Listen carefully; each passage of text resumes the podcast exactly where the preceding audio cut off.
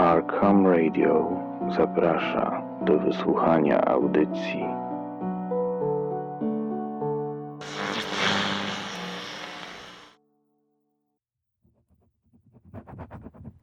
Przyjacielu, pragnę ze smutkiem donieść Ci, że obawiam się, że na zawsze straciliśmy kierownika wyprawy, nieodżałowanej pamięci Foresta Krankowicza.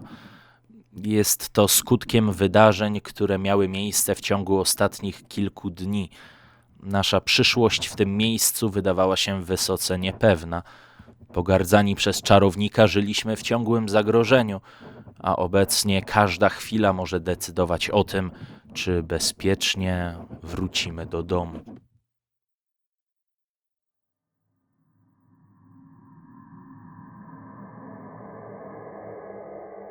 Zaraz po odrzuceniu naszej propozycji swobodnego działania w wiosce przez szamana i nocnej ucieczce Antonia, ustaliliśmy, że będziemy działać na własną rękę.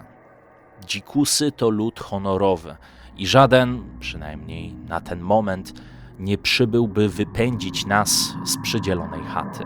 Nawet, jak nakazuje zwyczaj, dostarczano nam dyskretnie niewielkie ilości tubylczego pożywienia. Póki trwała pora deszczowa, byliśmy oficjalnie niewidzialni. Przekreślało to wprawdzie prowadzenie badań na ludziach i przyglądanie się ich codziennym zachowaniom z bliska, ale nadal mogliśmy prowadzić obserwacje przyrodnicze i odkrywać nieznane nauce gatunki. Działaliśmy tak kilka dni, rano zbierając próbki, a po południu opisując je i zabezpieczając do transportu. Cały czas obserwowaliśmy dzikich, wypatrując oznak agresji. Broń była zawsze w pogotowiu. Noce spędzaliśmy w chacie, śpiąc przy rozpalonym ogniu, a jeden z nas dyskretnie czuwał nad bezpieczeństwem reszty. Strzeżonego Pan Bóg strzeże. Szaman przyszedł trzeciej nocy.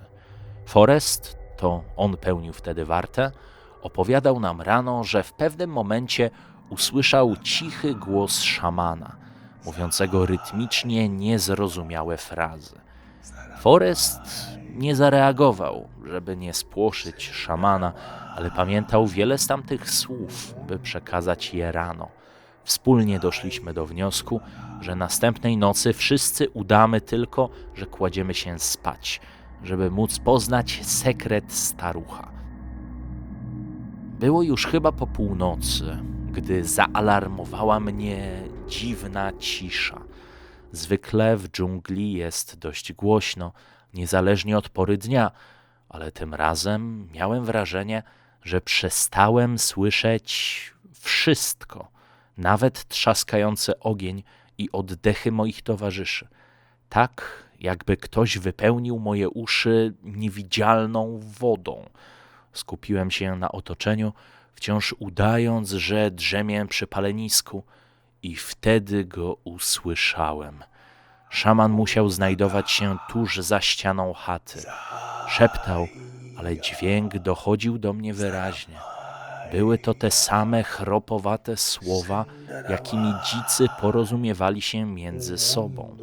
Miały wyraźny rytm, a po każdej dłuższej frazie zdawało się, że ktoś w oddali łamie gałąź. Ostatnie zdania zostały odebrane przez mój umysł jako bolesny krzyk. I wtedy wydarzyło się kilka rzeczy naraz. Krzyk nie milkł, ale nasilał się, i po podniesieniu głowy uzmysłowiłem sobie, że wydobywa się z piersi Foresta.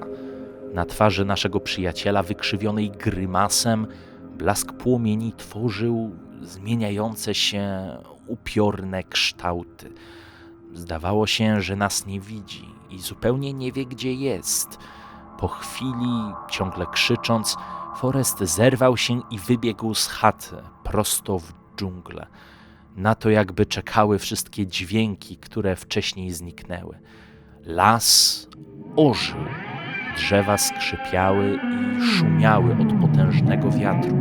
Nocne drapieżniki ryczały złowrogo, a małpy zaczęły skrzeczeć nad naszymi głowami tak przeraźliwie, że żaden z nas nie odważył się wybiec za forestem w to pandemonium. Wyrzuciliśmy do ognia i do rana siedzieliśmy w kręgu, trzęsąc się i ściskając kurczowo strzelby, gotowi bronić się przed nowym atakiem.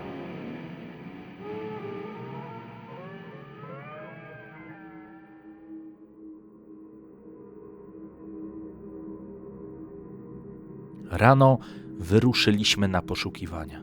Miałem wrażenie, że nie przespana noc i zszargane nerwy płatają mi figle, ponieważ ciągle w każdym kamieniu, każdym liściu czy korze drzewa widziałem drwiącą twarz szamana, tak jakby przejął moje oczy i decydował, co mogę nimi ujrzeć. Czułem, że zaczynam tracić zdolność logicznego myślenia i popadam w paranoję. Co ciekawe, wieczorem, kiedy wszyscy spotkaliśmy się znowu w chacie, okazało się, że każdy tego dnia doświadczył podobnych odczuć.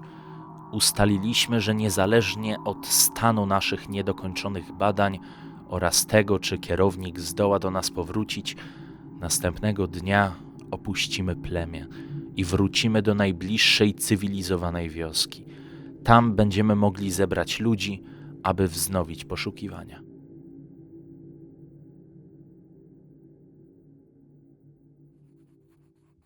Na wszelki wypadek dziś wieczorem jawnie wystawimy uzbrojoną wartę przed wejściem do chaty i będziemy dwójkami pilnować naszego bezpieczeństwa przed tym szalonym człowiekiem. Mam nadzieję, że jutrzejszą noc, choć w nieprzyjaznej białemu człowiekowi dżungli, spędzimy z dala od władającego dziwną magią szamana. Odetchnę wtedy z ulgą. Boże, miej nas w swojej opiece. Felix.